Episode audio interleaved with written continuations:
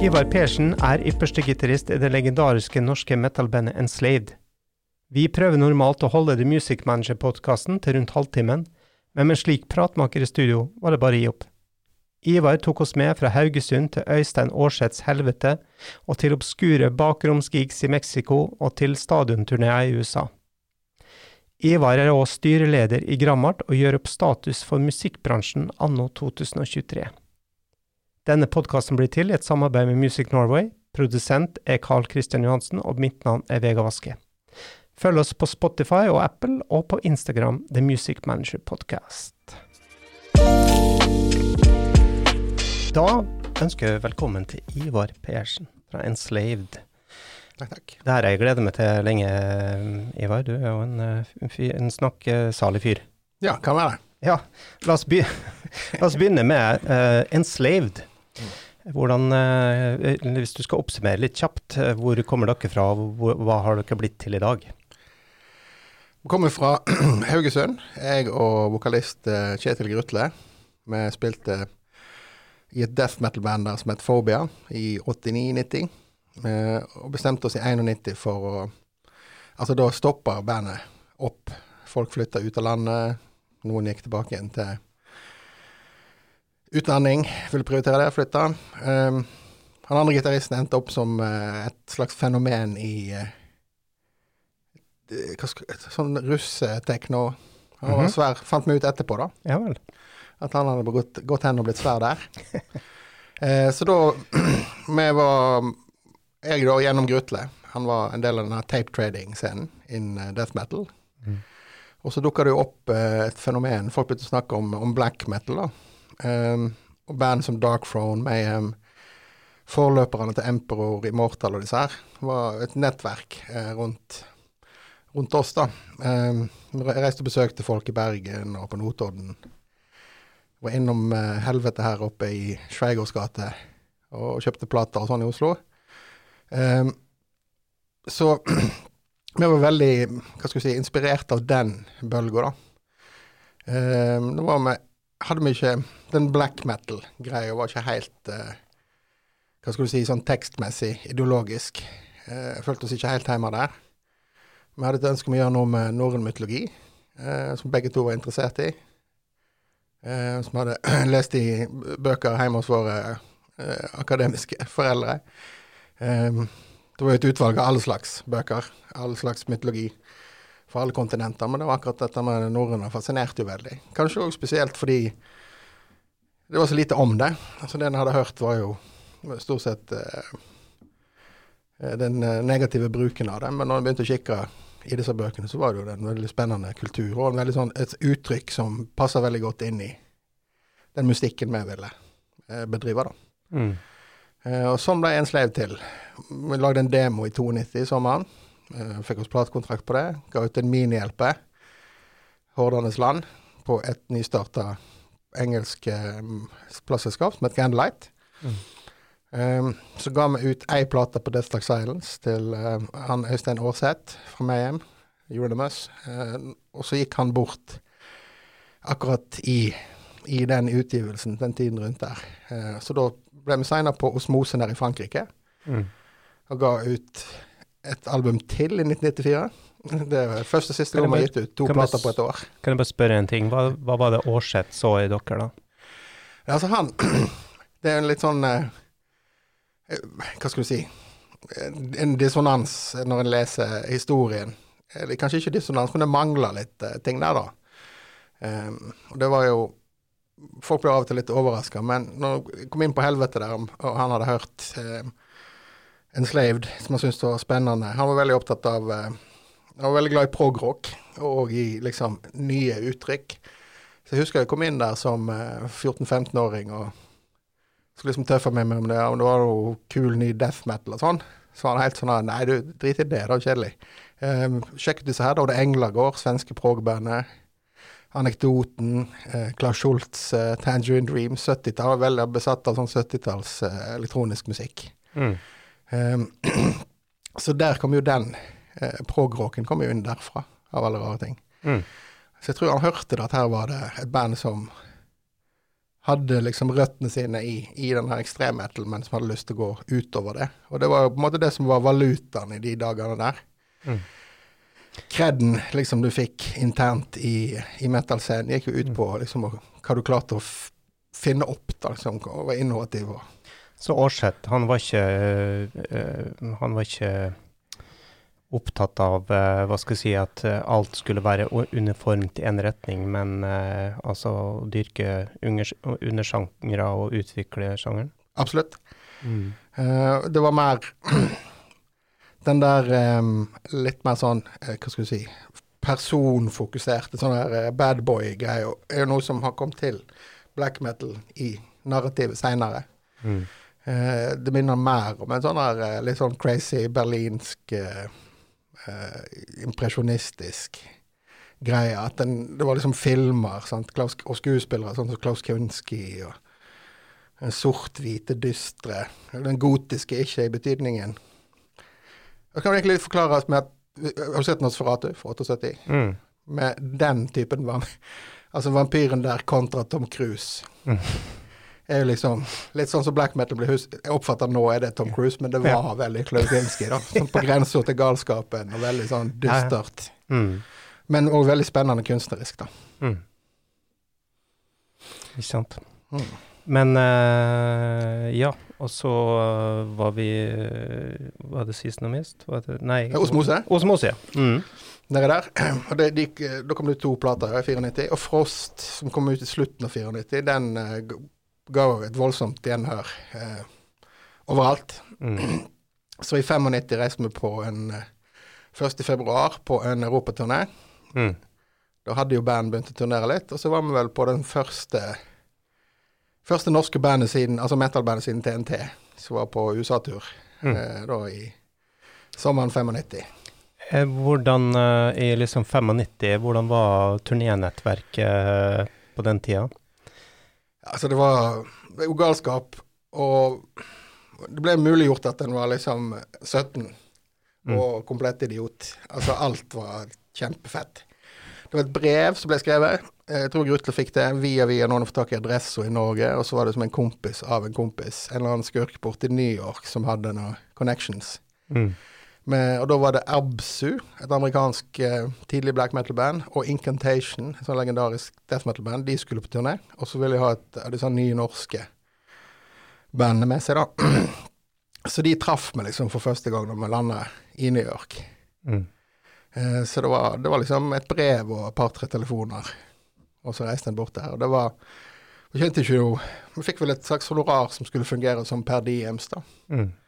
Ehm, og, og reiste rundt der en måned, og ja, biler havarerte, og vi sov i eh, Mesteparten av turen ble gjort i en sånn svær van der vi liksom lå strødd blant backline baki på gulvet der. Så røyk ventilasjonen og ja. Det var liksom en halv flaske vodka, det var Hiv ned på den, for da klarte du å sove på gulvet, liksom. Ja. Og hvordan type Hvordan var spillestedsinfrastrukturen man spilte under på den tida? Ja, det var helt til høy og belegg. Noen klubber hadde, hadde jo noe backline stående, andre liksom samla inn. Den turneen ble utvidet til å eh, ble med ett Mexico etter hvert. Vi ringte hjem og lurte foreldrene våre og sa vi skulle være to uker hos en kompis i Texas. Så lista vi oss over til Mexico og gjorde to uker der. Og det var Jeg tror det verste vi spilte på, var vel et, et bordell. Eh, der det var en kassettspiller eh, som var liksom kobla Der bassen og vokalen gikk gjennom kassettspilleren på en sånn teipa ledning. Men du hørte bare én ting om gangen, da. Så når han snerra, så forsvant bassen. Jeg hadde en liten pivi Bandit, og så var det sånn barneslagverk. Med ekstra basstrommer. Det var helt uh, sinnssykt. Og pivi Bandit. Ja, ja, oh, 15 watt der. Det var, de, må jo, de måtte liksom virkelig lene seg framover de på, i salen for å høre hva som foregikk. Nydelig. Ja, det, det, det kan jeg tenke meg. Men det var jo Men var det et etablert eh, hva skal jeg si, publikum for deres musikk allerede på den tida? Det var en metal-scene der borte, men de var mest kjent med death metal. Men, så det ble veldig mye oppmøte, for folk kom, folk kom for å se hva det var. Ja. Forbausende mye folk. Mm. som var på mellom 500 og 1000. Og nede i Mexico, altså Mexico City var vi på 1500 eller noe sånt. Det var helt crazy. Eh, men der var det jo òg Altså, Mexico var jo enda mer etablert. De tok oss med på sånn bootleg-marked i Mexico City. Og det var altså så svært. Du så ikke hele på en gang. Og da var det det vi, trodde var hele markedet. Det var den avdelingen for liksom skandinavisk black metal. Det var som bare et eget torg bare med det. Der fant vi jo T-skjorter eh, av oss, en slave-T-skjorter, der de malte på oss liksminker. De hadde antok det var en misforståelse at vi ikke hadde det. Og utskjærte logoer i tre, de har vi fortsatt. Jeg måtte kjøpe dem, for ingen av de trodde på at det var oss. da de kom bort og sa det er mulig å få en kopi, eller? Nei, hvorfor det? Nei, for det er vårt, det er oss, liksom. Ja, mm, sikkert. Så det var Det var tider, ass, før internett. Ja. Og eh, i Europa, da? eh, der var det kanskje litt eh, mer etablert, eller? Ja, det var begynt å komme. Mm. Det var en ganske stor sånn black metal-turné i forkant. før med, altså I 94 allerede. Det var Immortal og Rotting Christ ute på den turneen med det klingende navnet Fuck Christ Tour. Det var subtilt. Uh, og den gjorde jo uh, bana ganske kraftig vei, da. Så der var det litt mer. Der var det liksom litt mer på venues, da, ikke bare barer. Mm. eh, sånn som jeg var på i USA. Um, så det, det, var ganske, det var ganske flott, altså. Mm. Og lite kamp på beinet, for å si det sånn. Ja.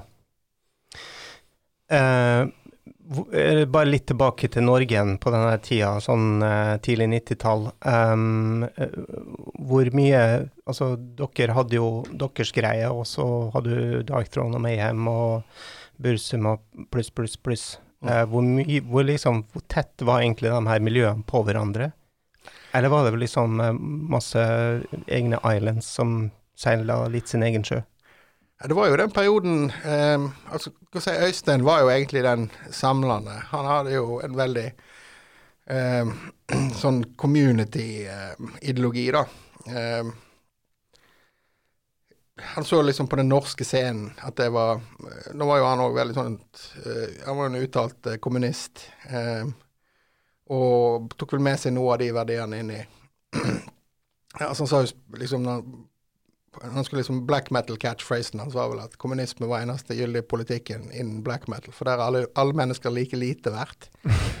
men det hadde jo Det hadde jo noen utslag som kanskje var litt mer hva skal si, positiv òg. Han hadde jo alltid denne notisblokka si. Det var en sånn greie som han innførte med Eller som jeg hørte om, da. For Mayhem eh, begynte å gjøre en del store intervjuer når de gjorde eh, The Mysteries-innspillingene. Ryktene begynte å gå. Mm. Eh, og han hadde jo denne posisjonen med plateselskapet og alt dette her, så han, begynte, han hadde jo en del større uh, presseting. Og da hadde han notisblokka si der han noterte opp hva de, de andre bandene var i ferd med å gjøre. Mhm. Så når de tok det klassiske 'Any Last Words', så lista han liksom opp ja, sjekk ut ny plate fra bla, bla, bla, bla, demo og sånn. Veldig opptatt av det at uh, her skulle liksom løftes kollektivt, da. Mm. Uh, og det, kan jo, det forsvant jo ganske greit uh, når han forsvant. Mm. Da gikk det jo over i mye mer sånn her uh, elite, mer bedre enn deg-greier, da. Mm. Det var det vel mange av oss gjorde, at mista kanskje litt interessen for å liksom møtes for å fortelle hvor mye bedre det var enn de andre. Det var jo mye, mye mer interessant for meg, Mm. personlig i alle fall.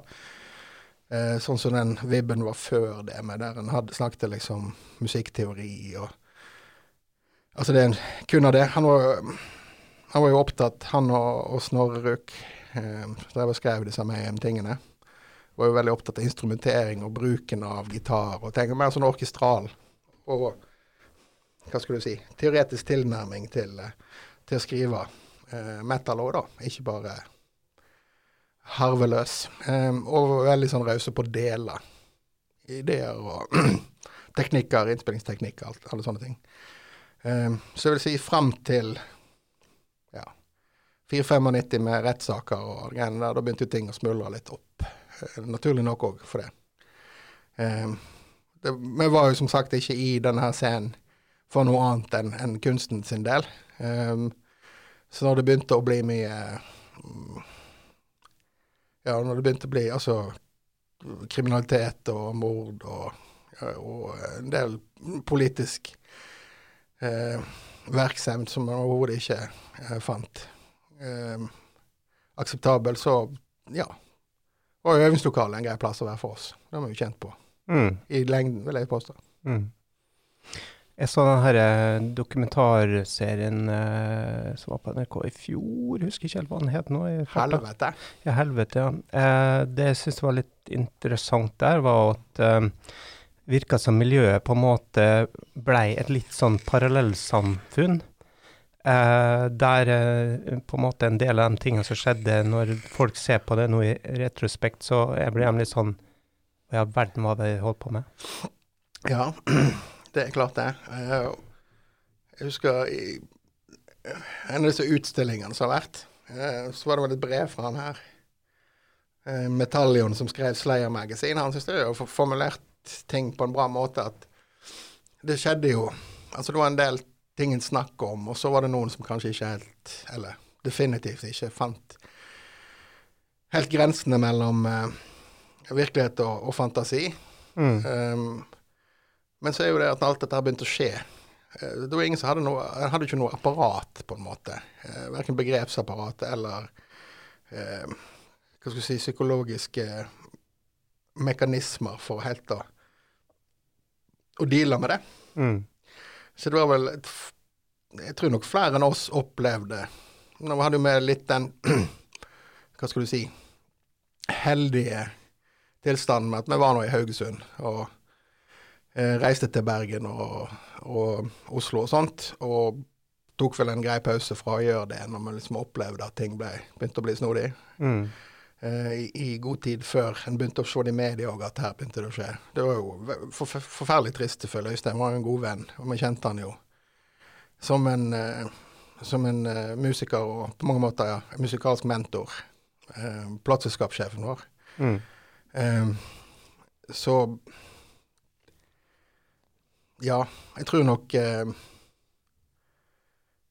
jeg, tror, jeg skjønner veldig godt den der eh, feelingen av eh, eh, at en blir voksen og ser tilbake. Eh, for det, det, det er jo ganske ja, Parallellsamfunnet, kanskje dra det litt langt, men det ble jo en Alt ble jo ve veldig merkelig. En hadde jo f.eks. Bergens Tidende. Jeg vet ikke om du har sett den her eh, 'Satan rir media'-dokumentaren. Nei. Eh, Et klassisk eksempel der er jo journalisten Finnbjørn Tønder. Eh, ble, ble jo, det var det som var så rart. Det, folk utenfor dette parallellsamfunnet ble jo på en måte revet med, de òg. Eh, så det verserte jo rykter i Bergen om at det var ute i Os der sin Mortal og Bursum og gjengen eh, holdt til. Det var liksom så stor tetthet av disse her black metal-folkene, da, som folk så at det begynte å gå et rykte om at noen hadde fylt opp eh, gamle tyskerbunkere med, med våpen. Og klargjorde seg for en satanisk revolusjon. Skulle overta liksom makten i Norge. da. I Os. De skulle, ta, ja, de skulle begynne i Bergen, og så, så det kl- klastra jo BT utover front.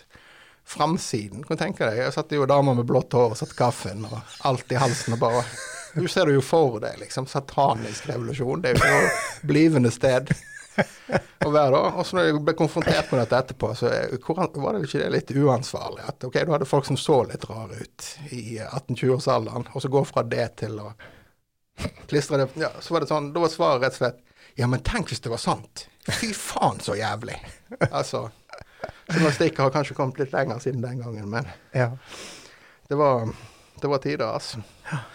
Altså, man kan jo spørre seg om Hva skal jeg si Den type miljø hadde fått lov til å utvikle seg til liksom de her parallellsamfunnene, på en måte, eh, den dag i dag. Altså at eh, det er jo Altså, eh, musikken er jo på en måte ofte så mye mer organisert altså, nå enn den var før. Ja, det er et veldig godt spørsmål, det der med subkulturer eh, og, og musikksjangre som springer ut av de. Eh, for noe av jeg, Det er nesten som jeg tror at det er et, et, en forutsetning med en, en viss skal si, mangel på kontakt med virkeligheten Mm. for at det skal få utvikle seg. Eh, det høres jo helt eh, kjempebrutalt ut, men jeg det, det må nesten være Jeg må sitte der i rommet. Jeg husker spesielt Jeg husker en diskusjon som kom tilbake igjen nå for noen år siden.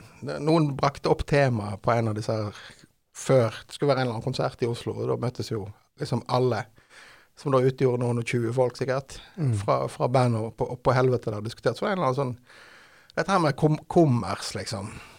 Eh, For da hadde folk begynt å snakke om at ny Dark Throne var liksom forhåndsbestilt i sånn og sånn. Helt enorme Så, altså det, Og det ble jo enda større, viste det seg. Og denne her, som sagt, Mayhem surra det rykter om. Eh, Bursum gikk jo som eh, varmt hvetebrød. Eh, eh, hva skjer der, liksom? For det, folk ble nesten bekymra, liksom. Vi er jo undergrunnsband. Hva skjer hvis det begynner å selge masse plater, da? Mm. Og så er det en klok sjel som hadde tenkt på dette her, at eh, ja, men det skjer eh, liksom after the fact. Så lenge alt er gjort liksom med etosen fram til plata går i trykken, så kan du bare selge hvor mye du vil uten at det påvirker liksom ektheten. Mm. Og så trakk alle et let- lettelsens sukk. Det var liksom det som var av business-strategi-diskusjoner Ja. i den norske scenen mellom 91 og 95. Mm. Uh, det, de 25 sekundene der. Og så var det tilbake igjen til å diskutere hvilke Celtic Frost-plater som var best. Ikke sant? Uansett, vi var i 1996, var vi ikke det? Jo. Eh, ja. Eh, Vi hadde jo litt sånn eh, lineup-issues eh, rundt i tida der. Vi hadde turnert, men da hadde vi liksom fått etablert et navn. Og så begynte vi Det vil kanskje kalle mellomfasen, da. Fra å gå ut plater i 97, 98, 2000, 2001. Der vi prøvde Vi gikk på noen plater, sånn som f.eks. Eld i 97 og Monumention, kanskje. Spesielt 2001 der det var mye eksperimentering.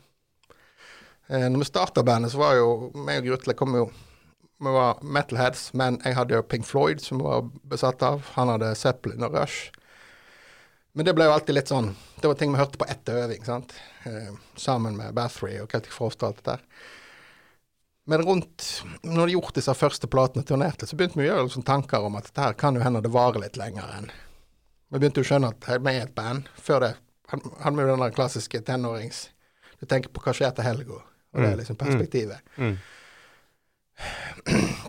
Da var det en litt sånn, jeg vil ikke si identitetskrise, men en sånn identitetsutforskning eh, med de nevnte platene der vi prøvde veldig å dra inn disse andre influensene.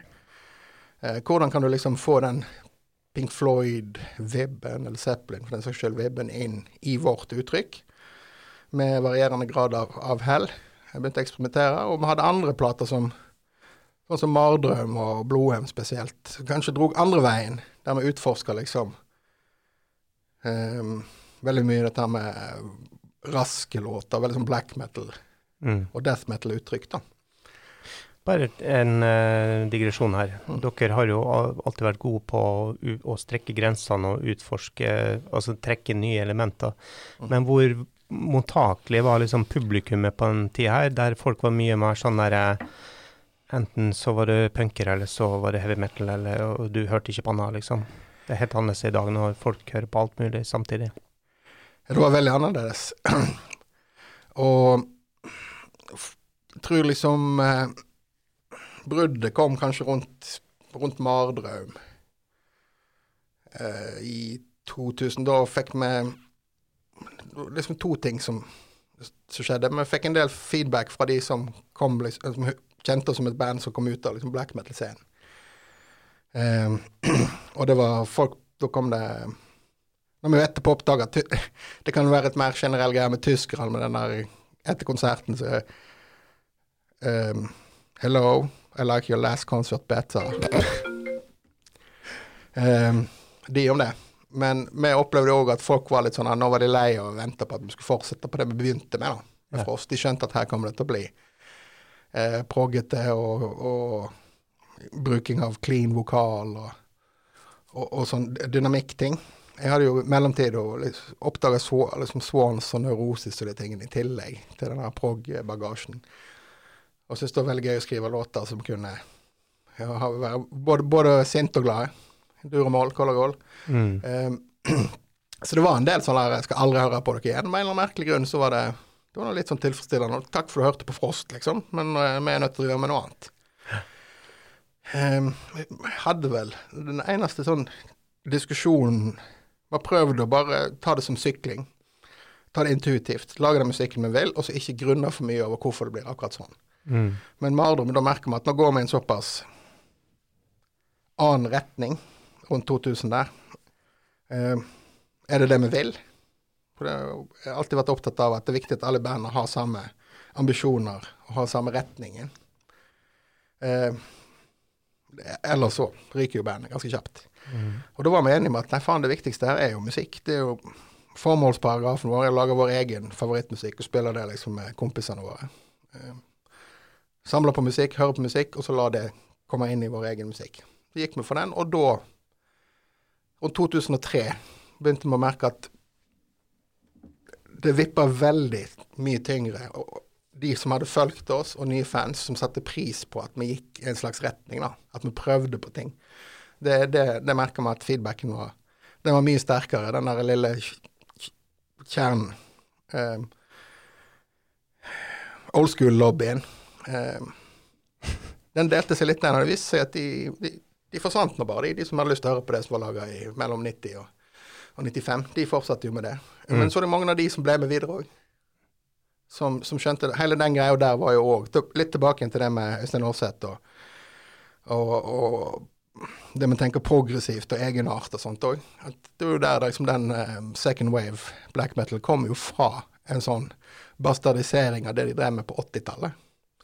Så hva skulle nå vitsen være med å prøve liksom å holde det helt likt? Du må liksom ha både eh, Motorhead og ACDC en viktig del av metallen, de som opprettholder liksom bunadsmetallen. Og så har du, eh, har du de som er nødt til å liksom løpe foran og gjøre litt sprø ting, og dra det i forskjellige retninger.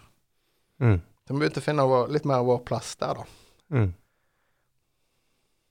Og det har vi fortsatt med. Ja, ikke sant. Og da har dere jo også et eh, noe dere Det har kosta litt også, men å oppdra et publikum som er åpent, da, da, da vil jo det publikummet alltid være åpen eh, for hva dere enn måtte finne på, nesten. Ja, da blir de med på reisen, og da Mm. blir det med spenning rundt hva finner vi på nå. Mm. Men, men så er ikke det bare altså, Ok, kanskje vi har oppdratt et par folk, eller de har hatt samme prosessen som oss. Men så skal en ikke undervurdere heller at sånn har jo på en måte verden blitt generelt òg. Ja. Det er ikke så lett. Hvis du går inn nå på en hvilken som helst eh, pub eller eh, på en konsert, så kan du liksom ikke så lett peke ut, sånn som du nevnte tidligere, at det var enten punk eller Mm. noe annet. Nå er det litt mer tricky å liksom lese på folk hva de har i platehylla. Mm. Og det er jo definitivt en verden eh, en Slade passer godt inn i. Mm. Absolutt. Mm. Ok, så da var vi i 2003, Ja. og så Eh, og da gikk vi fra osmose og til eh, det norske Da heter det vel eh, Tabu.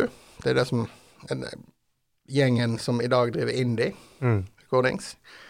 Eh, og gjorde en rekke plater. Isa er vel den eh, Kanskje spesielt i Norge. Plater som folk forbinder med Veldig mange flere ble kjent med Isa. Nei, med Ensled, mening. Mm. Eh, og det var noe vi Eller til og med musikkvideo på hva var det het, Swish? Noe sånt. Mm. Det som gikk på NRK på All right. eh, Og ja. Det var rett og slett en, en ganske kraftig Det var liksom den andre boosteren, da, kan vi si, Mm. i, i karrieren. Det første var med, med Frost, så kom den her med Isa.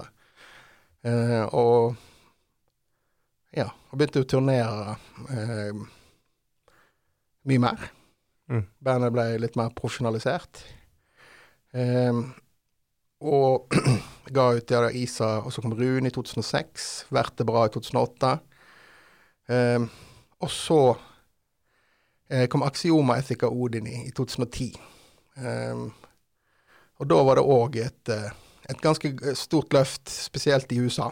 Vi hadde en eh, supportturné sammen med Opeth i 2009, eh, og den var veldig viktig for oss. Eh, Det var veldig mye folk borte.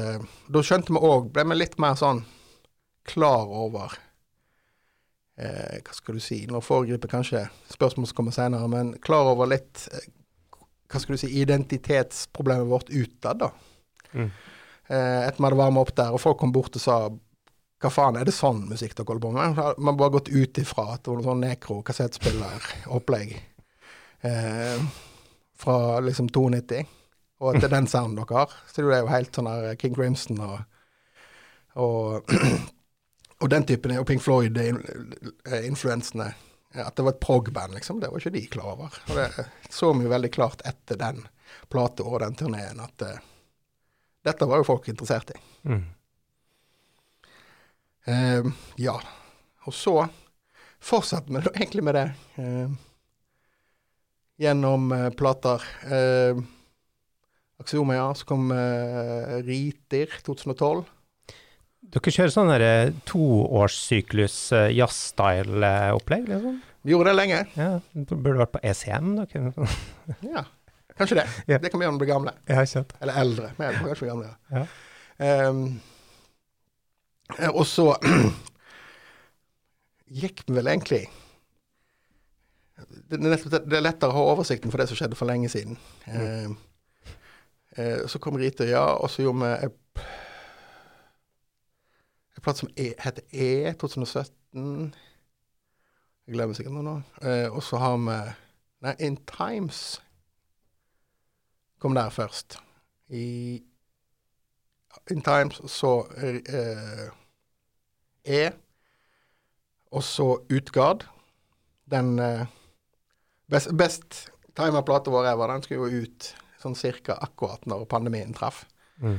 Uh, så det begynte ting, ting, å bli litt merkelig. Uh, holdt på et par år der i pandemien og gjorde voldsomt med Vi gjorde faktisk intet mindre enn fire sånne fullproduksjons uh, digitale konserter. Ga det ut på en i en boks. Bokssett etterpå vinyl. Mm. Eh, og så kom vi ut av pandemien, og det var, viste seg at vi hadde vært Har ikke helt registrert, vi hadde vært ganske alene om å være så intensive i pandemien. Så da var han plutselig mye mer kjent i, i metal-verden. Og det gjentok seg dette med at folk var sånn Å, det er sånn dere holder på med? For nå liksom ble de tvunget ned i Nå er ikke de på festival og var sånn her Hva skjer her, da? Og så oi sann, der er det fyrverkeri og flammer og pyro og satanister. Vi løper bort der. Så står vi igjen der hjemme og øver, liksom. Eh, men nå ble de tvunget til å sitte i sofaen og høre på, og da var det mye, mange som sa sånn Oi sann, ja OK, dette var jo saker. Så vi ga ut nå Heimdal-plata i mars tidligere i år. Mm. Eh, så har vi rett og slett vi sett en tredje på en måte karriereraketten. Mm. Og har eh, klatret et godt stykke opp på, på, plakater og sånt. Så det er jo 32 år. Hva, hva har eh, den Dårlig hei- ja. Hva har den eh, hva, hva har den vært med og bidratt med, eller hvorfor tror dere Hvorfor er dere elevert nå etter den? Vi har hatt et veldig, har hatt et veldig fokus. fokus. Eh, jeg vil si 2010 var det begynte jo dette her med å prøve å definere oss og på en måte eh, ta det inn over oss. At folk ikke vet, og at vi nok mister, hva skal du si, potensielle lyttere på at ikke de vet hva vi driver med. Så det er veldig viktig å på en måte komme seg litt ut av den eh, Jeg nevnte innledningsvis, vi er glad i å prate, men det er litt det der med å fortelle hva er det bandet handler om. Eh, hva influensen Være litt bedre på å komme oss ut og, kommunisere. Eh, og gjøre Vi gjorde veldig mye turneer mellom 2010 og 2018. Helt ellevilt. Kan jeg vel påstå. Og så skifter vi litt strategien på at nå hadde vi på en måte vært rundt og, og liksom gjort Bevist oss. Eh, så nå var fokuset Nå har vi egentlig jobba med å profesjonalisere konsertproduksjoner. Det høres utrolig kjedelig ut, men det er egentlig det vi har drevet med, og det er det som eh, Både konsert- og studieproduksjoner. Men å gjøre det vi holder på med, bare bedre. Hvordan da, konkret? Konkret Det holder ikke med Altså, for å gjøre en konsert så er vi nødt til å ha ting på plass. Eh, vi er nødt til å ha muligheten til å kunne ha den typen lyd og lys. For at vi skulle nå liksom gjøre en konsert med en slevd. Jeg vil si den arbeidsfasen. Så var vi mye lignende. 2018 gjorde vi konserter i rundt omkring i verden som kanskje minner minner litt om den Mexico-greia om at du står på et sted. Det er et bra sted, det kommer mange folk. Og du får liksom sagt 'her er med', eh, bevist liksom eh, hvordan, hvor bra du er som et liveband. Men nå har vi gått videre til at vi trenger å ha med oss produksjonen vår. Vi trenger til å, kunne gjøre det. Så hvis en festival sier at OK, vi har gjerne lyst til å ha dere på Billingen, så er ikke det bare sånn OK, hva koster det? Men vi trenger den, den, og den tiden for å gjøre den og den produksjonen. Mm. Og så har vi rett og slett bare blitt nødt til å si nei til fryktelig mye. Mm. Høres dyrt ut. Ja, det er jo dyrt, men Mm. nå driver vi jo eh, Da kommer jo enda en sånn klassisk enslaved intern diskusjon og bestemte oss for å, å ta den retningen da, under pandemien. Der vi gjorde disse utrolig dyre digitale eh, streamingkonsertene. Mm. Eh, som overhodet ikke var noe inntjening på, men på en måte for, ja, for å vise enslaved hva det er for noe. Eh, så det var litt sånn, ja, hva om ingen booker oss, da? Hva om ingen vil ha disse her store, altså fullskala enslaved hver gang? Nei, da får vi øve videre, da. Mm. Eh, og det er litt det som er spiriten. Altså nå, vi gjør det på våre premisser. Eh, hva er det verste som skal skje? Det er jo at vi blir et band som sitter på øvingslokalet og spiller, men det er jo det vi har lyst til. Mm. Så det er liksom ikke noe Det er ikke noe Det er ikke noe tapsscenario i det i det hele tatt. Men uh, for eksempel liksom, når dere slapp siste albumet, da, hvordan er det naturlig å følge det opp? Er det U USA og europaturné og festivaler i de to territoriene, eller? Det er jo mest det. Ja. Det er det. Og så har vi jo vært eh, Og vi kommer nok til å gjøre eh, Vi gjør Sør-Amerika. Vi reiser hjem tilbake til Asia, eh, selvfølgelig. Eh, men verden er jo òg litt forandra. Eh, siden en hadde jo en slags rett mest Vi var jo veldig heldige som starta når vi starta, vil jeg påstå. Da var det jo litt det der med Hvis du var et bra, et solid liveband og var seriøs, liksom, og hadde et slags navn, så begynte du nederst på festivalturnéplakaten. Mm. Så gjorde du to sånne, og så neste gang så var du opp. Eh, så først turneen da de, For det var jo før crewet begynte å jobbe med ekstremmetal, så det var liksom åp, de, åpningsbandet var crewet, som er bare eh, kabinetter. Nå til dags når de er med deg supportband, så spør de hva slags saus er det til middagen. da ble det sånn gammel eh, Da blir vi sånn gamle Monty Python-folk. Når vi vokste opp, da sov vi i en pappeske midt på veien i glasskår og sånn. Så kommer dere her og skal ha Er misfornøyd med sausen. Gi dere. Er det rart, liksom? Er det chimchurri? Er det Ja, sant. eh, salsa verde? Eh, og da klatra det opp, og det var jo den her rettferdigheten, da. Innsats er lik resultat. Mm.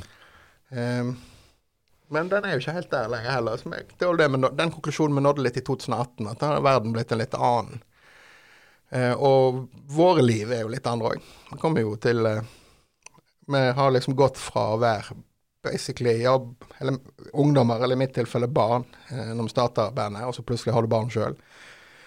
Eh, hvis du ikke da helt føler det Plutselig liksom kikker du ut vinduet og eh, skjønner at verden er blitt en annen. Eh, det, det andre, andre kvaliteter vi løfter fram enn at vi er jævlig utholdende og er gode spillere live. Mm. Vi må, vi må levere en, en, en annen greie. Vi har liksom, vi har mer å vise fram, da. Uh, ja. Mm. Um, men hvilke vil, Hva vil du si, hvilke markeder er liksom da de aller viktigste av dem dere Godt spørsmål. Hva er det viktigste? Eh, USA og Canada eh, er store markeder for oss. England. Um, Hva slags eh, sånn, Hvis dere spiller LA og New York, hva slags type størrelse venue dere spiller da? det er som Irving Plaza, New York, type 1000 Mm. cap. Eh, ja, det, det er de store byene. Og Montreal, uh, Quebec og de. Det er liksom 1000-kappen, da. Mm. Og så ligger nå Sånn for sist turen nå i april, så er det jo det. Det var litt, litt svakere i hovedstedene, men uh, må ikke vært i Texas. I Dallas var det utsolgt på uh, tilsvarende venue med 12, altså 1200 kapp. Det var litt, litt sjokkerende. I gamle dager så ville en slave blitt ansett av metal-publikummet typisk i Texas som litt sånn her Hva er dette for fjolleri, liksom? Mm. Hvor, hvor blir det av eineren? Slutt å mase med 28-delstakter. Jeg holder med 4-4 eller doble basstrommer. Men nå var det liksom plutselig veldig Det er veldig sterke greier, da. Ja. Eh, så det USA har vi egentlig gått fra eh, når vi begynte å turnere der. Så var det helt nytt. Når vi kom tilbake igjen på slutten av 90, tidlig 2000, så var det på en måte alt annet enn nytt. Vi måtte begynne litt på nytt igjen. Vi jobba oss fra 200-300 cap, 500-700, og nå ligger vi på, på 1000 Mm. ca. Mm. Og um, har, har dere Altså, jeg hadde noen klienter som var på USA-turné her for et par uker siden, og det var jo gikk jo dundrende minus pga. Eh, enorme kostnader på øking i kostnader på alt fra utstyr til fly og hoteller og sånn. Sjøl om dere liksom selger ut eh, 1000 pluss Kapp Venues, det er vel utfordrende å få det til å henge sammen? Ja. Um, siste USA-turen her var rett og slett eh, en god gammel eh, sånn scare. Mm. Da får vi redde noen minutter der. Mm. En ting er at en begynner liksom med postpandemisk visumprosess. Eh, med tripling av eh, eh, priser på det ene og det andre. Mm. Eh, er noe ganske kaotisk. På det beste her så var jeg i Oslo i tre dager og jakta etter tre forsvunne pass. I samarbeid med DHL og amerikanske ambassaden. Mm. Um, fullstendig eh, crazy. Vi kjøpte flybillettene ekstremt tidlig av en eller annen sånn panisk um, grunn. Um, og det så vi jo steig noe voldsomt når vi begynte å nærme oss. Eh, Så det skjønner jeg veldig godt. Men det verste er jo egentlig den der eh, rovkapitalismen som jeg ser på dokumentarer om amerikansk finansindustri og hvordan 2008 var mulig. At den liksom har sneket seg inn i showbiz-ledd òg. Den bussen vi reiste med, var, det var den fjerde kontrakterte, kontraherte bussen vi hadde. De tre første de forsvant på samme måten. Booker bussen, skriver kontrakt. Får beskjed om at bussen, altså om vi ber om bekreftelse, får beskjed om at den har noen andre tatt. Disse store booking- og managementene gikk jo inn og kjøpte hele flåter. Altså de sa «Vi leier alle bussene deres. Ja, men de er jo utleid. Ja, OK, da betaler vi 50 000 dollar over. Mm. Og selvfølgelig er jo det, det hadde de skrevet kontraktene sine på en finurlig måte, men etter et par og 30 år i bransjen, så vet jeg iallfall Er det noe som ikke kommer til å funke, så er det et, DA fra Bergen saksøker et amerikansk busselskap. Det skjer ikke. Eh, så det var bare sånn OK, fuck off. Og så nest. Så det var, det var helt sprøtt. Vi har jo jobba i USA siden Altså vært på turn brukt turnébuss i USA siden eh, 2007, var det første gang vi var på en, en bussturné. Før det var det van. Og knytta opp ganske close eh, relations med busselskap, og det bare røyk. Mm. Jeg gidder ikke snakke med de folka igjen noensinne. Det er liksom helt sinnssykt. Du har gitt oss en buss her som betaler overpris for, og så bare gir du den til noen andre. Altså, det, det er ikke sånn. Jo That's life, liksom. Nei, Mm. nei, nei. Det er du som prøver å tjene inn igjen pandemien på kvarter. Ja. Med sånn utålmodig eh, Det var vel flere av de selskapene som måtte selge ut unna masse av bussene sine, og så for liksom eh, holde seg flott, og så plutselig så var det back to business igjen, og så var det for lite busser. Ja, Helt koko. Så hadde vi da flaks. Turmanageren vår eh, i USA. Hun har vært med oss siden 2007. Men hun er også nå turmanager for eh, Baroness og en haug med band som er tilknytta større management. Eh, Q Prime, kjent for Metallica og disse her. Så de, der, via hun og via via, klarte vi å liksom finne fram til et busselskap som sa OK, vi har en ledig buss, vi lover å ikke fucke dere på den. Men da var vi allerede tre ganger over budsjett. Så vi reiste på den turneen, så var vi liksom det stive smil og, og et, et dirrende Excel-ark i fanget på veien over der. Mm. Men så var det jo et slags, som et slags eh, eh, vikingmirakel, da. Så gikk jo tripla jo merch-salget seg på Ja. turneen. Jeg aldri sett på maken. Nei. Eh, og rett og slett det, det pluss eh, eh, støtte vi hadde med oss fra Kulturrådet og eh, Music Norway. Så Mm. endte vi opp med et minus som var håndterbart. Men eh, før turneen, altså Før vi visste helt hvordan det her kom til å gå, så så vi jo på eh, mulighet for noe som kom til å ta flere år å få betalt ned. da. Ja. Jeg har jo vært borti også store turneer i USA der, eh, der man må liksom eh, selge 95 av billettene nesten på, eh, på hele turneen for å på en måte gå i break-even. Og hvis du da selger 85% så likevel er det kjempebra. Så liksom taper du kjempemye eh, liksom penger. Men det virker litt som også det amerikanske markedet skudd litt sånn her. Dere kan komme hit og vise dere frem, for det her er verdens største marked. Og så legger vi veldig masse kostnader i bunnen her som eh, egentlig ikke er reelle, for at vi skal, arrangøren skal tjene penger. Og så eh, satser vi på at dere liksom eh, får, eh, henter inn det tapte ved å få veldig bra festivalbookings. eh, bookings. Ja, nettopp. Mm. Men hva, hva Er det noen liksom nye markeder du ser for deg at kommer til å um, eh, gjøres gjeldende fremover? Jeg tipper jo at eh, Det er vel neppe nytt, men altså Øst-Europa har jo eh, ligget vaka eh, ganske lenge. Og der merker vi òg at det eh, Festivalene er, et, er av et annet kaliber enn det har vært tidligere. Mm. Eh, det er jo liksom ikke Det er Øst-Europa for det ligger øst i Europa, men det er ikke den der eh, Øst-Europa som en sånn en tag for noe som er litt uh, kjipt og, og grått. Den er nok ikke helt uh, gyldig lenger. Det er jo på en måte UK is the new Øst-Europa. Mm. Uh, der er det jo vanskeligere å Og der er det skikkelig kjipt å turnere. Ja. Mm. Mens det tidligere har vært litt mer hører meg rundt der, kanskje. Så og for metal-verden Men altså, metal er Det har jo Streamingen har demokratisert på én måte, da. Uh, selv om det er mye mindre inntjening per unit, kan du si, så er det fortsatt noe, da, uh, kan du si.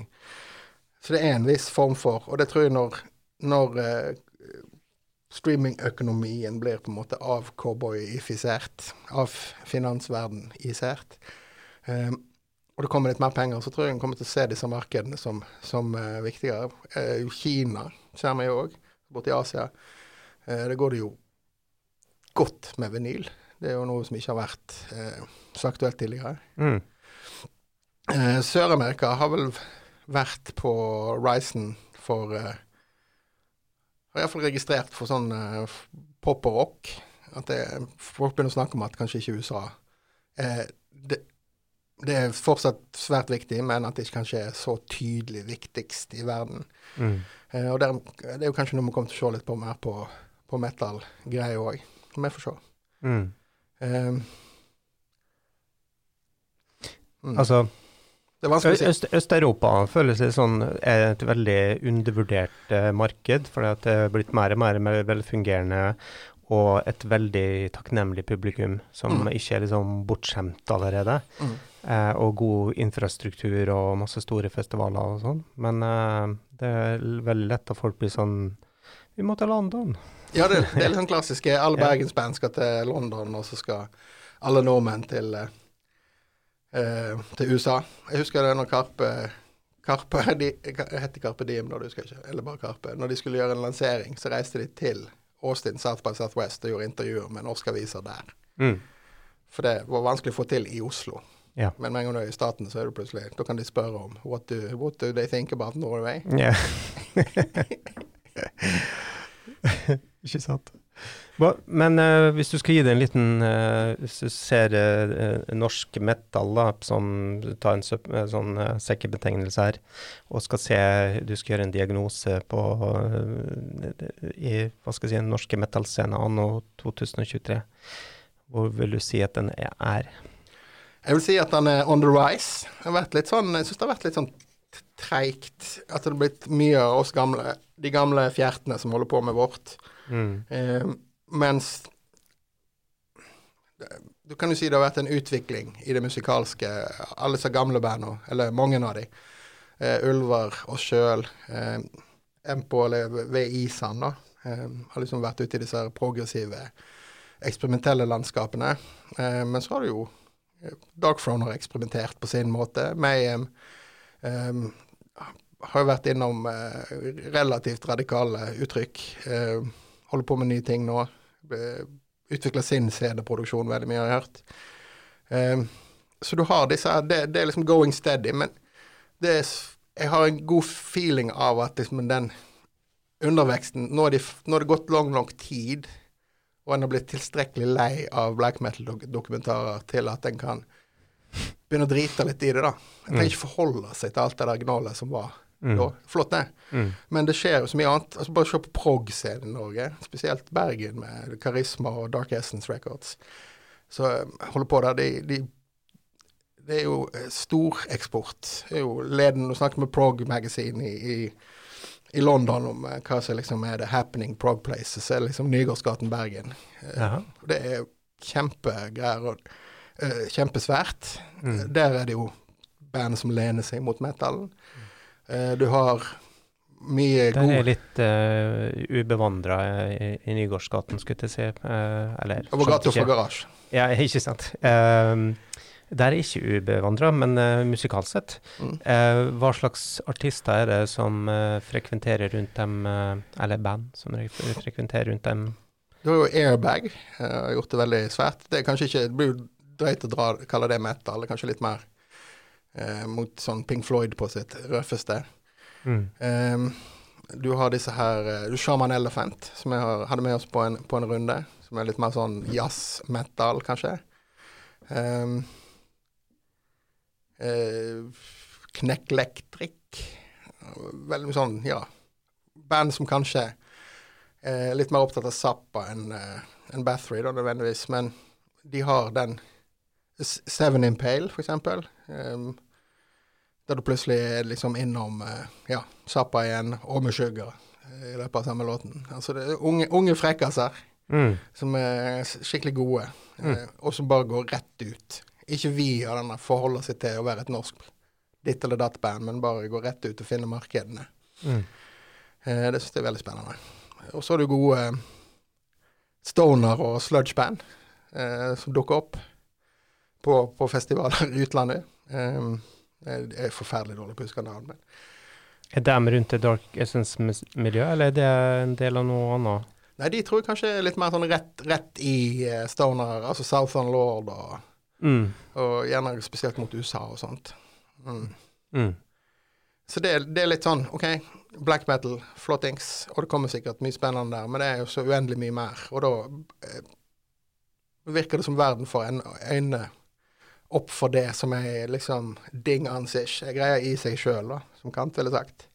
Og ikke noe som er noe i forhold til Dark Throne midten av juni 1991, liksom. Mm. For det er, det er Det er begrensende, tror jeg. Mm.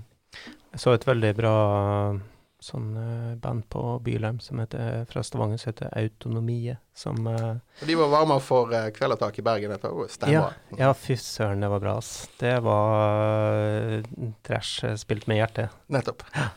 Uh, nei, så det jo, skal bli spennende. Altså, jeg merker jo at det skjer veldig mye på Altså, man har jo totalt mista oversikten. Det er helt umulig. Det skjer så mye på så mange eh, subkulturelle planen. da. Mhm. Så det er jo sikkert bare et spørsmål om tid før man på en måte en slags sånn ny eh, generasjon eh, kommer opp og blir enda tydeligere, liksom. Absolutt. Mm.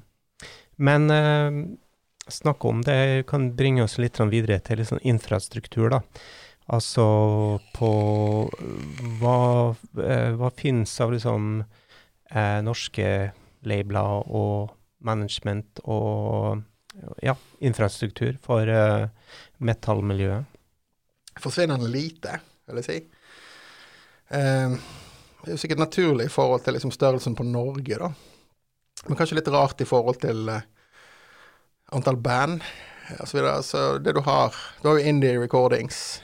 Uh, tror jeg er ganske aleine om å være Du har mindre labler òg som eh, Men det er mer sånn folk, folk som driver med noe annet, og så gir de ut musikk. Mm.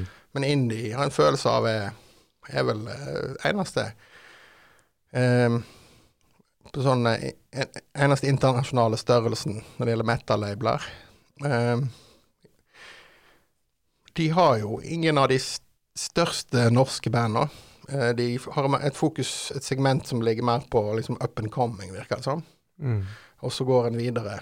Eh, og da havner en jo fort på disse her store, sånn som Nuclear Blast, Tyskland, eh, eh, Seasonal Mist, Frankrike eh, osv. Så. Så det er jo litt, litt å gå på der. En Ja, for å si det på den måten, de an andre store eh, norske metal-bandene som holder på, hvilke label er de på nå? Ja, det er jo Nuclear Blast og Season of Mist, Mm. basically. Ja. Mm. Så det her er jo eh, og kanskje litt sånn eh, en klassisk problemstilling eh, uansett hva med, man jobber med i forhold til norsk eksport av musikk, nei, eh, eh, eksport av norsk musikk, Mm. er jo at man ikke klarer å bygge opp en god nok infrastruktur og kompetanse her til å sitte på rettighetene som da kan brukes til å bygge opp nye verdier, altså nye, eh, nye bandartister. Absolutt. Eh, og det er jo noe vi merker med Vi trivdes utrolig godt eh, den perioden vi var på eh, Altså fra ISA og til ak eh, Axioma eh, på Tabu og etter hvert Indie Recordings. Eh, men grunnen til vi valgte nu Nuclear Blast altså Der har vi jo total frihet. Det er et stort kommersielt selskap, men det har fortsatt altså en sånn slags indie-spirit. Men det er, jo, det, det er jo liksom muskulaturen, da. Mm. Eh, med det antallet folk på forskjellige kontorer rundt i verden, sånn at en kan Ja, for hvor mange jobber i Nuclear Blast? det skal, Altså, vi snakker 50 pluss, Mm. eh, i, alle, i alle fall. Hvem er det, ligger det under? Ligger det under Universal eller Nei. Ja, det, det er litt forskjellig der. I Norge blir de distribuert av Sony, Jeg skjønner. men så er det plutselig noe annet Mm. andre steder. Men de har jo USA, Europa, Sør-Amerika. Mm. De har kontorene sine. Eh, og er fortsatt som gammeldags plateselskap med at de både liksom er distribuerer og trykker platene. Mm. Eh, men det er jo noe med det derre Når du skal slippe ei plate å ha Du er avhengig av hvis Selv om sosiale medier eh, Sosiale medier er, er på en måte ikke så fysisk, eh, det ligger vel i, i konseptet, ja. Så, så, trenger du fortsatt de folkene sant? med nettverkene sine i London og New York og LA og sånt. Mm. Du kan få disse her redaktørene til å bli med på slippekonserten. Eh, få de flydd til Bergen når vi gjør releaseparty der. Sånne ting. Eh, så i, vår del av, av musikkverden så er det fortsatt veldig viktig, da. Den her eh, Du gjør mye mer intervjuer på Zoom og telefon og sånn, selvfølgelig, men er det fortsatt en sånn greie at du må ha en slags presence. Og den kan være litt tricky med å ha et norsk selskap, da. Ja. Men uh, i metallen så er det vel også fortsatt en høy grad av uh, altså presse. Altså Ja. Eh, magasiner og nettsteder og sånn som skriver om de sjangrene. Absolutt. Mm. det er Folk driver jo fortsatt eh, litt sånn som du har, at en forbereder spørsmål. Og det er ikke helt du er ikke helt overgitt til mainstream eh, media, som er blitt mye mer sånn her eh, Hallais, eh, vi trenger et narrativ. Mm. Ok, vi gitt ny, plate. Nei, det går ikke. Det går ikke. Altfor kjedelig. Så da må du liksom ha funnet opp eh, eh, en ny form for eh, et eller annet, og så må du ta dem med på en spennende reise og fortelle det, for at de skal nevne kanskje at de har nye plater på slutten. Mm. Um, det er blitt en ganske Jeg misunner definitivt ikke um, Og det kjenner jeg jo Altså, jeg kjenner jo mange i andre sjangre og sånt, men vi er heldigvis ikke helt overgitt. Vi har fortsatt den den drive, og det er folk som liksom har like sterk Hva skulle du si Indre motivasjon til å fortelle om, og oppdage og skrive om. Eh, selv om det er på nett, da. Ofte, ofte er det bare et par blader igjen. Mm. Men, men den er der fortsatt, og det er jo ekstremt viktig. Ja, så har det blitt sånn i metallverdenen òg at uh, før så kunne du bare Ja, nå har vi en ny plate, liksom, eh, og så få et intervju, mens nå er det mer sånn her, du må ha en story. Ikke så, det er ikke så veldig, men det er vel mer det at med metallen er å liksom tvinge oss sjøl, eller bli tvunget, alt dette som er ute i, liksom, i verden nå, da. Mm. Eh, og da må en jo forholde seg til det der òg. Men jeg vil si at den liksom, kjernen, metallpressen, er fortsatt sånn at de har noen spørsmål, Mm. og så diskuterer en. Eh, og det er jo utrolig. Eh, en, en utrolig takknemlig plass å være. Eh, Så mange intervjuer gjør dere da rundt en, eh, en albumrelease? Det blir vel fort ja, jeg ville sagt 120-150 eller noe sånt. Ja. Mm. i den perioden. For det er du satt opp. Vi har fortsatt den her at gir ut plater, og så er det veldig mye oppmerksomhet og salg. Ja. Og så er det litt Jeg vet jo at det blir jobba i metal-verden med å prøve å få til en litt mer sånn popgreier. At det er en jevn streaming, f.eks. Mm. Mens det er veldig lett å se i metal-plater. Kan du se utgivelsesdatoen på salgene. For dette går spiker, og så pff, avtar det. Mm. Ja, så den streaming eh, Streamingdynamikken og kampen om oppmerksomheten, den er også fullt gjeldende i den sjangeren der. Begynner å snike seg på, men det er jo noe der òg. Det, var- det var liksom litt mer Hva skal jeg si Jeg, jeg føler at det har liksom settla litt nå. da. Mm. At den har mer kommet frem til at noe av det som er identiteten til store deler av metal, er jo at det er lange låter, det er album. Bygger, et album er bygga opp. Så det der gi ut liksom én låt Det er noen band som kan gjøre det, men ganske mange av oss har liksom ikke noe Det har ikke noen funksjon verken for oss eller fansen, og da er det ikke noe poeng å prøve å tvinge den modellen på. Um, så det funker, funker rett og slett bedre og bedre. Mm. Det er en aksept for at ja, det er på en måte en albumsjanger. Um, og det er fortsatt relevant med den plateutgivelsen, da. Som Mm. på en måte ground zero. Det så det er ingen eh, Altså, det er ikke blitt noen eh, va- eh, noen standard i metal å begynne med sånn ja, nå gir vi ut sju singler med fire ukers mellomrom først, og så gir vi ut albumet med fire tilleggsspor, liksom. Man Nei. ikke kommet dit. Man har ikke kommet helt dit. Vi prøvde med Plato nå, istedenfor å gi ut liksom én video sammen med Plato nå, så ga vi ut tre singler i forkant av Plato. Ja. Så det jeg følte vi var litt sånn crazy og vilt. Eh, men det funka, da. Mm. Ikke sant. Så nest, nå fremover så blir det singelfokus. Singelfokus. singelfokus. Bruker mye mindre penger og mye mindre tid og De driver jo og spøker med oss. Det er jo litt gøy med Nuclear. De, de skal tyskerne skal være vittige. Så det er sånn ah, Can you make a song under four minutes? Ah, just joking. Ikke mulig. Nei. Men eh, det på en måte da, så eh, Det er jo bra at noen uh, sjangre er også litt eh, konservative i hvordan på en måte mekanismene eh, fungerer. Men eh, hvordan er det med mm, liksom Hvor viktig er sosiale medier i, i de dine sine i, i, for enslaved? Veldig viktig. Mm. Og det er nok eh, noe av forklaringen på hvorfor eh, det har gått framåt, er jo at vi eh, At vi måtte innse to ting. Og det at altså, viktighetsgraden av det, det innså vi nok først. Og så kom det nummer to, at dette er vi virkelig ikke kompetente. Eh, og det er heller ikke det en har lyst til å drive med. Sjøl personlig så er jeg jo ikke på sosiale medier. Altså WhatsApp er vel kanskje det nærmeste. Men det, det er rett og slett bare blitt sånn.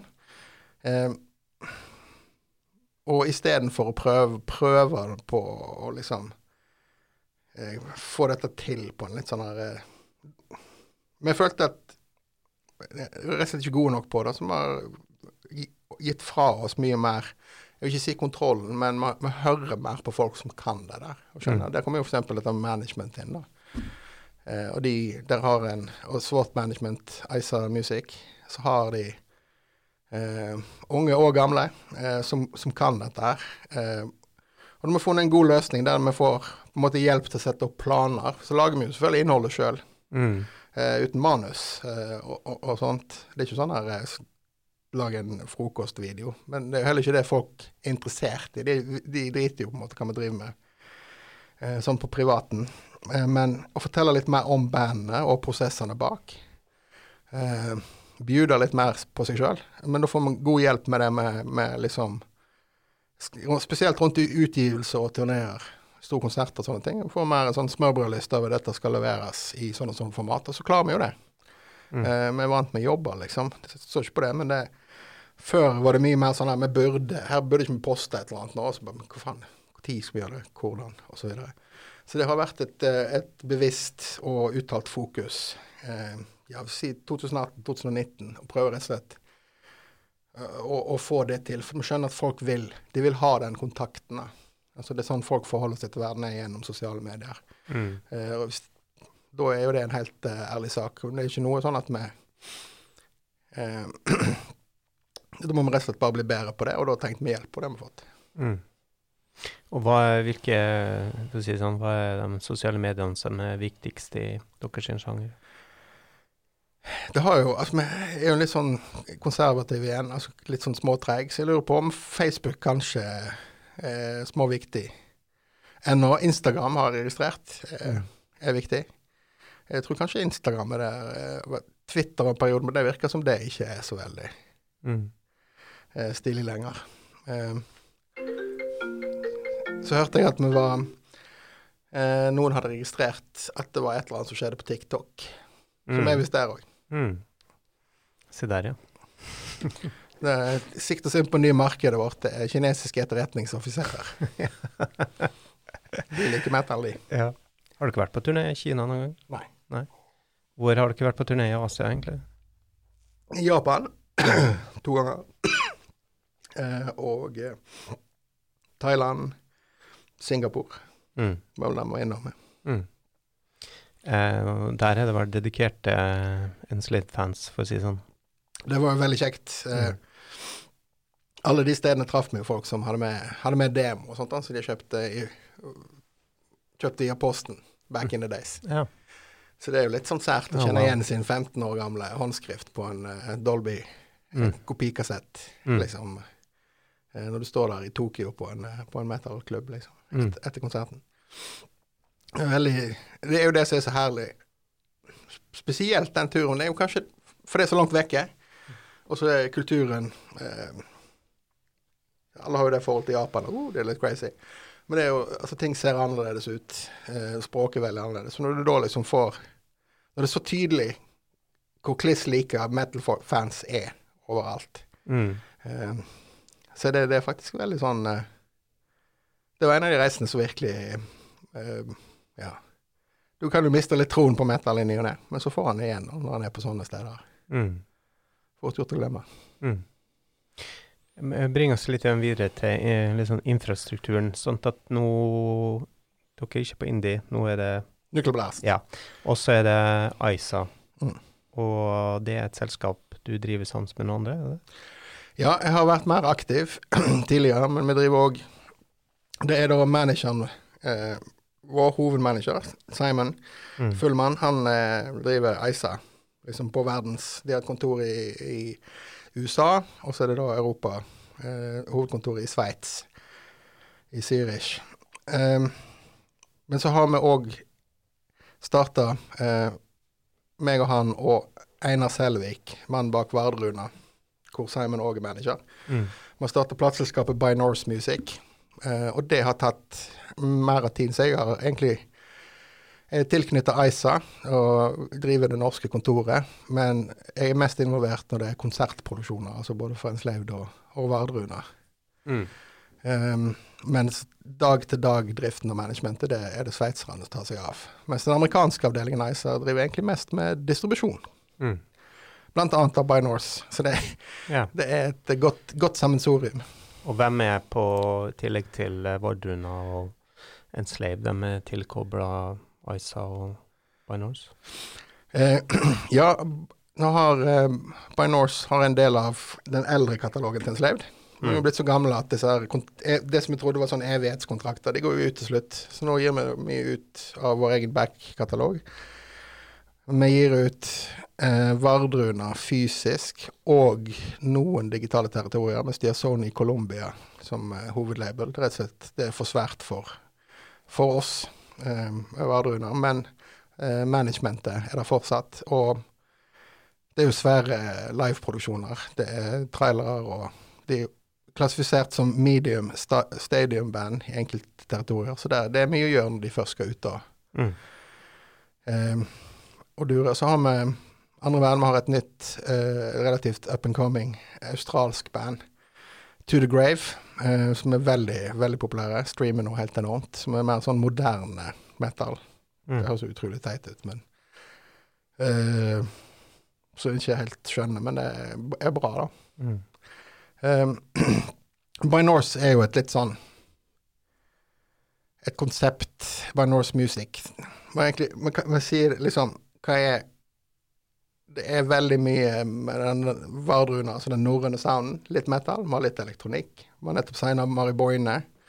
Uh, Mm. Må kunne sies å være en slags forgjengeren for, for hele prosjektet. Mm. Einar er jo veldig, veldig veldig stor fan, og Mari Boine er en av de største inspirasjonskildene til at han starta Vardruna. Ja. Eh, så det, det skjer mye, og det går på kryss og tvers. Eh, med med oss, oss tre involvert i, i mye rart, ja. Men det er Simon som er hovedsakelig på management, og så er meg og Einar jobber mye med By Norse. da. Mm. Mm. Eh, litt videre til Altså, det er jo bra at det er en tilvekst på infrastrukturfronten her, da, så får håpe at dere lykkes godt med det. Jeg kan jo nevne at med Enslaved så driver jo alt hva skal jeg si, alt som har med økonomi Vi driver jo det. Vi har management, men da gjør de det, altså, Jeg har nevnt sosiale medier, Mm. booking, strategi, alle sånne ting har vi satt ut rett og slett, og, og en del av det som har med det visuelle å gjøre. Mm. Um, helhetlig tenking i forhold til merchandise. Eh, annonsering, alt det greiene. Vi har liksom det kunstneriske ordet, men det er jo det vi måtte se. Det tok 30 år å innse at vi har jo faen ikke peiling. Sosiale medier, Mm. grafisk profil, altså. Vi skjønner jo hva ordene betyr, men vi har ikke det. Og det var en veldig liksom, god Jeg vil si det at Jeg vet ikke om det var redningen, men jeg kjente jo på en slags sånn fatigue eh, i, folk, i liksom 2015 og utover der. Altså Det er noe med det å gå fram og tilbake mellom å sitte og skrive og skulle liksom være visjonær og crazy prog metal-fyr. Og så skulle du tilbake på e-posten og liksom skrive et strategidokument. Det er noe sånn her Og så når du går tilbake, det dør, liksom på den veien så dør liksom Metal-musikeren dør litt på vei til laptopen, og strategigeniet strategi Geniet dør litt på veien tilbake til gitaren. For du driver, egentlig hele tiden med noe, noe som du egentlig burde drevet med noe annet. da. Mm. Og så finner disse folka Første hinderet er mange liksom lar være, tenker jeg, å overlate, å tørre å overlate ting til infrastrukturen rundt seg. Så er første tanken at det er jo dyrt. Hvor blir det av pengene? Men jeg tror problemet er jo kanskje enda mer at det, det, det koster litt å gi fra seg den kontrollen. Mm. Eh, og så er det veldig ofte at den, når en finner gode folk, så, så må en jo bare se det i øynene at ens verste frykt har blitt sannhet. Det, her, det fins masse folk som er mye bedre enn en sjøl. Til nesten alt som drives rundt en artistkarriere. Det du er best på, er jo musikken Mm. og kunsten. Der kan du nok si at dette er det jeg som vet best om. Mm. Men stort sett alle andre ting, PR, sosiale medier, så vil det være folk som kan dette bedre enn deg. Mm. Og det kan være litt sårt. Ja. Men eh, eh, veldig gjenkjennelig og en, og en kjent eh, problematikk. For eh, det handler jo ofte først og fremst om økonomi, tror jeg. At egentlig så burde veldig mye mer av eh, altså det å ha et, eh, et, eh, et stort eh, altså internasjonalt turnerende band er jo egentlig liksom toppidrett. Eh, selv om man ikke liker helt å tenke på det der du egentlig på en måte trenger eh, de beste teamene for å skape den store suksessen. Da.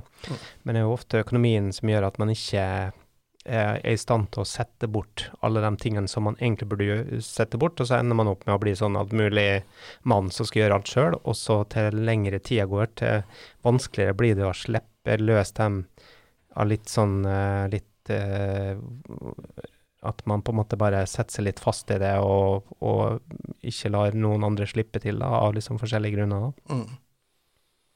Jeg tror det er et, eh, et ganske stort hinder. Jeg kjenner jo I og med at vi kommer fra en sånn ganske reindyrka DIY-plass, eh, så, så ser du det på folk rundt, og en ser jo av og til at her kunne en nok sikkert kommet veldig mye lenger hvis en bare hadde klart å gi litt slipp. Mm. Mm. Ja, ikke sant. Wise words. Så hvis du skal gi uh, noen råd da, til eh, et eh, ungt metal-band, 16-17 år gamle, og det, de har en, en eh, ting going, Hva, hvordan skal de komme seg opp og frem? Det var litt enklere på 90-tallet. Da holdt det med å liksom kunne eh, spille instrumentet sitt og skramle sammen noen låter, liksom, så var veldig mye gjort. Men eh, nå har det så ekstremt mye konkurranse. Ja, jeg, jeg, jeg har jo fortsatt litt trua på noe det- sånne grunnverdigreier, da. Jeg, jeg, har tro på at lytteren og liksom verden fortsatt har, har den evnen til Jeg vil bare først si at alle slags, all slags musikk og alle uttrykk har, har liksom sin verdi, så lenge noen liker å drive med det, noen liker å høre på det. Så, så flotte greier. Det er ikke noe sånt at det er noe bedre Altså komplekse ting er bedre enn enkle ting, eller hva som helst. Men jeg tror en kjenner igjen eh, formidling av noe som er, altså noe som er ekte, da, på et vis. Eh, og, men misforstå meg rett, ekte trenger ikke være trangt og vanskelig og skjult. Ekte kan være eh, hyper, eh, hyper eh. Eh, det er ikke noe det er ikke noe sånn autentisitetskrav eller originalitetskrav til noe som helst. Men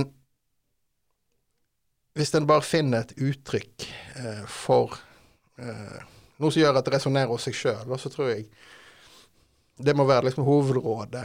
Og, og rett og slett eh, gi seg sjøl tid til å finne noe som kjennes ut som det dette du vil formidle. Eh, og så dette med ambisjoner igjen. Og liksom synkronisere sine ambisjoner, ikke bare med de bandene, men etter hvert som en treffer folk. For jeg tror jeg et band som har en drive og har lyst til å formidle et eller annet, eh, en eller annen type Om det er Thin Lizzie-aktig musikk fordi de elsker Thin Lizzie så jævlig mye, eller om de har funnet opp en eller annen helt ny, kjempecrazy um, flamenco, gent, metal-sjanger, så vil det på en måte Det vil avgi en eller annen form for eh, bølger eh, rundt seg, da, som gjør at det tiltrekker seg folk som har lyst til å gjøre noe.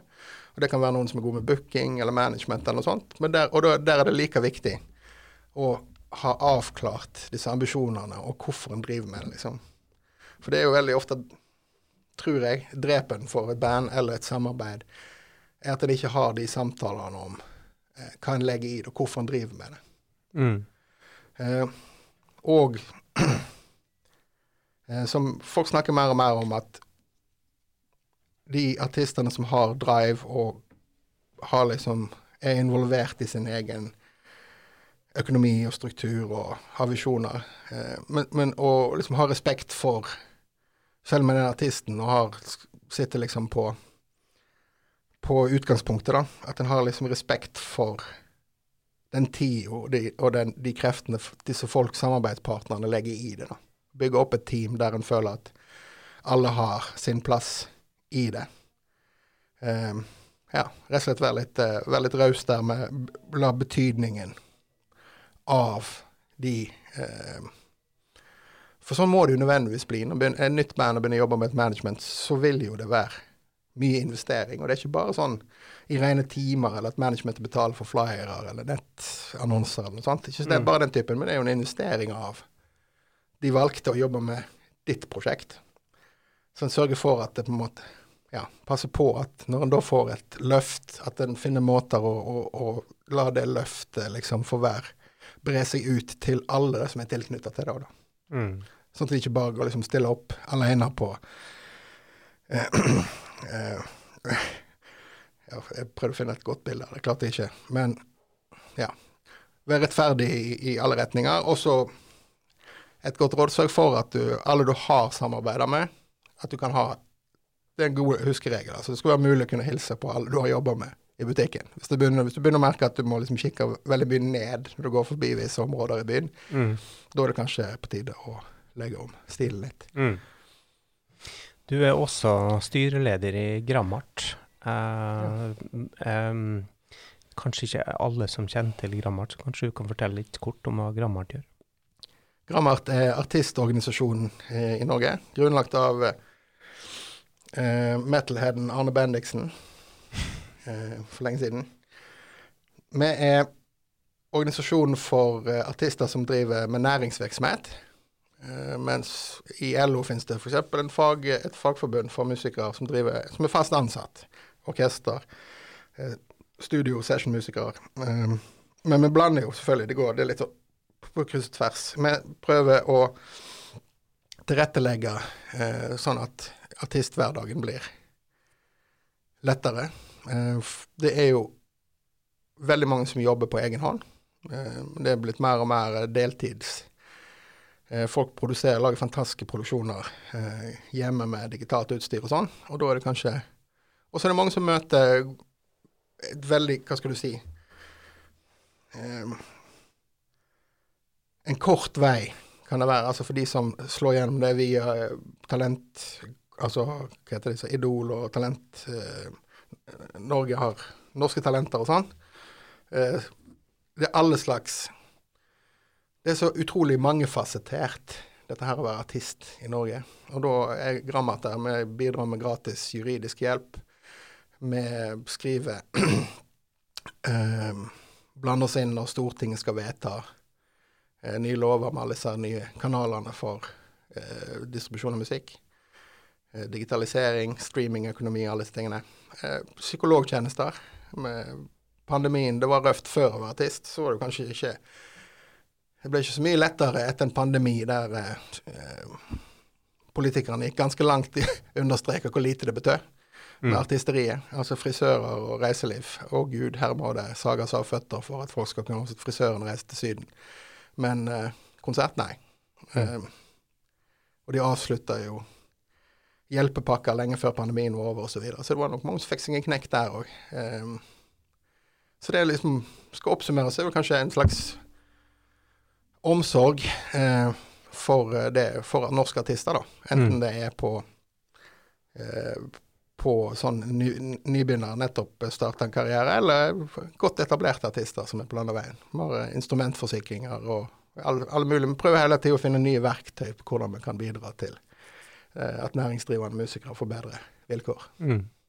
Er det noen generelle utfordringer som går igjen eh, for eh, hva skal jeg si, medlemmene? ja. i anno oktober 2023? Hvis vi tenker sånn generelt for musikerstanden, så ser vi jo det både på nye og, og, gamle, at overgangen til det digitale Nå er vi jo heldigvis på et, kommet til et punkt der vi diskuterer hva skal en få betalt. Når vi har kommet forbi skal han få betalt. Mm. Det er ganske utrolig å tenke at det var en diskusjon, det òg. Ja. Eh, nå mener jeg om at ok, greit, skal få betalt. Så får vi finne ut litt hvordan en skal få betalt. Eh, vi ser land sånn som Spania og eh, Belgia er mile, milevis foran. Eh, der har en På samme måten som hvis musikken din blir spilt på radio, så får du en kompensasjon da, i Norge via Gramo. Mm. Eh, uansett hva noen syns om det. Spiller sånn der, så får du betalt. Mm. Og så det, er det forhandlinger, og så blir det satt en slags uh, ratio på det. Så det er for, forutsigbart, da. Er du a-ha, uh, eller September One eller Mayhem, så vet du det at jeg ble spilt utrolig mye på P1 Gull, som kanskje er Mayhems største. Mm. Er et slags felt. Så forventer du en viss inntekt. Sånn er det ikke med streamingøkonomien. Der har du ikke helt peiling. og Hvis du husker Tidal-saken, um, der uh, de setter botter på liksom å, å snurre musikken til folk med eierinteresser i strømmetjenesten. Mm. Og det er blackbox-økonomi. Altså det forsvinner inn. Du vet hvor mange bruker det, og de betaler. Så skjer det et eller annet, og så spytter det ut noen tall, og så får du et eller annet på Avregne plateselskapet det. OK, vi tar 50 dok, og artisten tar 50 men dessverre vet vi ikke helt hvordan dette tallet har oppstått. Belgia, Frankrike, ja. Nei, Spania. Eh, nå gjør de det samme på streaming. Har du liksom 5000 fans som streamer musikken din en gang til dagen, så vil det utløse en sum du kan regne deg fram til. Mm. Ferdig med det. Det er litt rart. Skandinavia litt Via Men hvor, eh, hvor uh, Altså, går det fra DSP-en, eller? Det, det, blir da utbetalt via de nasjonale gramoene, da. Ja. Så strømmetjenesten må levere tall, rett og slett. Ja, så er det strømmetjenesten som må betale til Eh, hva skal jeg si, den lokal, lokale gramoen, så videreformidle den gramoen. Mm. Mm. Hvor høy er den uh, satsen i Belgia og Spania? vet du? Jeg husker ikke helt nøyaktig, men vi ligger jo selvfølgelig på de siste par prosentene. Mm. Altså på hundrelappen. Men ja. det, den er iallfall der. Den ja. er ganske mye større enn en det det var. Når, mm. Hvor langt er vi unna å få Stortinget til å skjønne det her, da? Vi er nok sikkert et par år. Mm. men nå er det i alle fall Nå skal jo eh, implementeres eh, digital eh, direktiv her òg for, eh, for musikk. Nå skal vi levere noen høringsinnspill i løpet av neste uke Mm. fra, fra Gammart. Vi har heldigvis en Jeg skal ikke gjøre det. Folk kan slappe av, det blir ikke meg som gjør det. De har jurister, kompetente jurister hos Gammart. Mitt, mitt brev sånn gi oss pengene, og gi dere. Um, men det er nok lite grann uh, veien. Sk- Skandinavia er litt sånn Det er litt snodig. Du kan tenke deg Sverige, som er liksom en sånn stor musikknasjon. De hadde, fikk en fyr til å skrive en utredning om dette her. Han enmannskommisjonen skrev Nei, han syntes det var en dårlig idé. Det funker bra sånn som det er nå. Mm. Og eh, da svenske Stortinget bare Å ja, OK, flott. Mm. Der er vi litt nå, da. Ja. Eh, så det, det, det må liksom en eller annen politiker i Norge, eller en statssekretær, et eller annet sånt må, trenger liksom at noen klikker litt, da. Mm. Og eh, gjør litt vei i vellinga. Mm. Men vi gjør iallfall det vi kan for å påvirke utenfra. Ja. Det er én ting. Mm. En annen utfordring er jo rett og slett tempoet. Jeg nevnte jo dette med at vi oppsto før internett. Det høres jo helt eh, løk ut, men det, sånn er det. Det er jo litt gøy. Jeg kan jo vise liksom døtrene mine som er 9 og 11, har drevet og vist i kassett og sånn. Og det har de liksom Å, det har jeg sett på TikTok. Det blir helt sånn Det er gøy at det går så fort, på en måte. Men så har de utfordringer òg. Og dette her med rettigheter, det nevnte du òg. Det er jo det som er på en måte Hva som vi lever av etter oljen? Mm. Eh, rettigheter til sin egen musikk. Eh, når du skriver en platekontrakt, kanskje du, ble, kanskje du vant Idol. Eh, eller kanskje du ble oppdaget på Bylarm. Eh, kanskje du fikk en major-kontrakt. Vet du helt hva du har skrevet under på, hvor lang tid det varer, liksom, og verdien i det. Eh, dette er jo noe noen jobber med. Det blir jo òg straks mer kaotisk i en en verden som blir digitalisert så fort at en ikke klarer helt å henge med. Og som artist som jobber på egen hånd, eh, så er det jo veldig mye å kreve at en skal skjønne helt hva dette har av juridiske implikasjoner når musikken din blir flytta fra en fysisk kontrakt om LP og CD, og så går det over i en digital verden. Liksom, hvor blir rettighetene av, osv. Mm. Eh, som er- jo i forkant, takket være den nevnte kompetansen i administrasjonen, men så er jobben vår å få det ut til folk. Eh, ja. Og så er det viktig å samarbeide. Vi samarbeider med organisasjoner som eh, NOPA, som er liksom komponistforeningen i Norge. Eh, for altså der vår populærmusikkomponistene stort sett er medlem. Vi har NEMA, som er liksom management organisasjonen, og prøve å finne Vi vil jo gjerne at hele faunaen skal utvikle seg, for det er jo det er det, er jo det, altså, Artistene er jo ikke en øy i seg sjøl. Vi kan krangle litt sånn av og til på hvem, hvem er høna og hvem er egget her, liksom. Er det sånn at i en verden når det er så store krav til markedsføring, gode planer, strategi, kan en på en måte komme noen vei bare med en, en god poplåt? Eller er en så avhengig av liksom apparatet at, at på en måte kunst Hva skal vi si Brød og sirkus. At det glir litt over i hverandre, da. Mm. Eh, og her er vi jo da for, definitivt for å prøve å hjelpe folk å, å manøvrere. Enten de vil være kontrollfreaks, sitte på alt sjøl, eller om de har lyst til å få hjelp til å lage strukturer rundt seg. Mm. Men um, det er jo um, Sjøl om kanskje mange ting ikke går så fort som vi gjerne skulle at eh, eh, Vi gjerne ville at det gjorde, så begynner i hvert fall man å se liksom at eh, eh,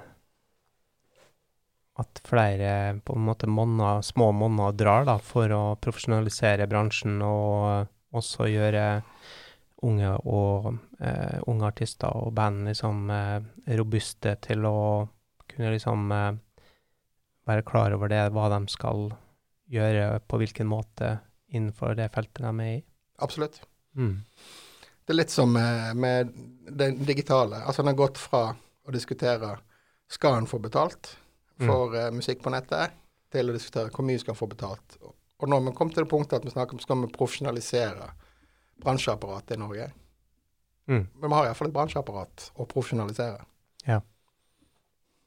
Og nok av råolje. Det er jo ikke noe mangel på musikk. Det er det ikke. Nei, det er jo utrolig mye Altså, når sist hørte jeg et dårlig band eller en, eh, en litt sånn En dårlig låt, liksom. Det er jo mange, mange år siden. Nettopp. Mm. Det har jo aldri vært konsumert så mye musikk i verden som det gjøres nå. Nei. Men du, Ivar, nå har vi satt rekord i lengste podkastepisode i Music Manager sin historie, så uh, da kan vi sikkert uh, runde av. Yes. For meg nå har Decibel-rekord, for en slave har lengden på podkast-rekorden. Det høres ut som uh, med deres humor, så det, passer det veldig godt. Nydelig. ja. Tusen takk. Takk skal du ha.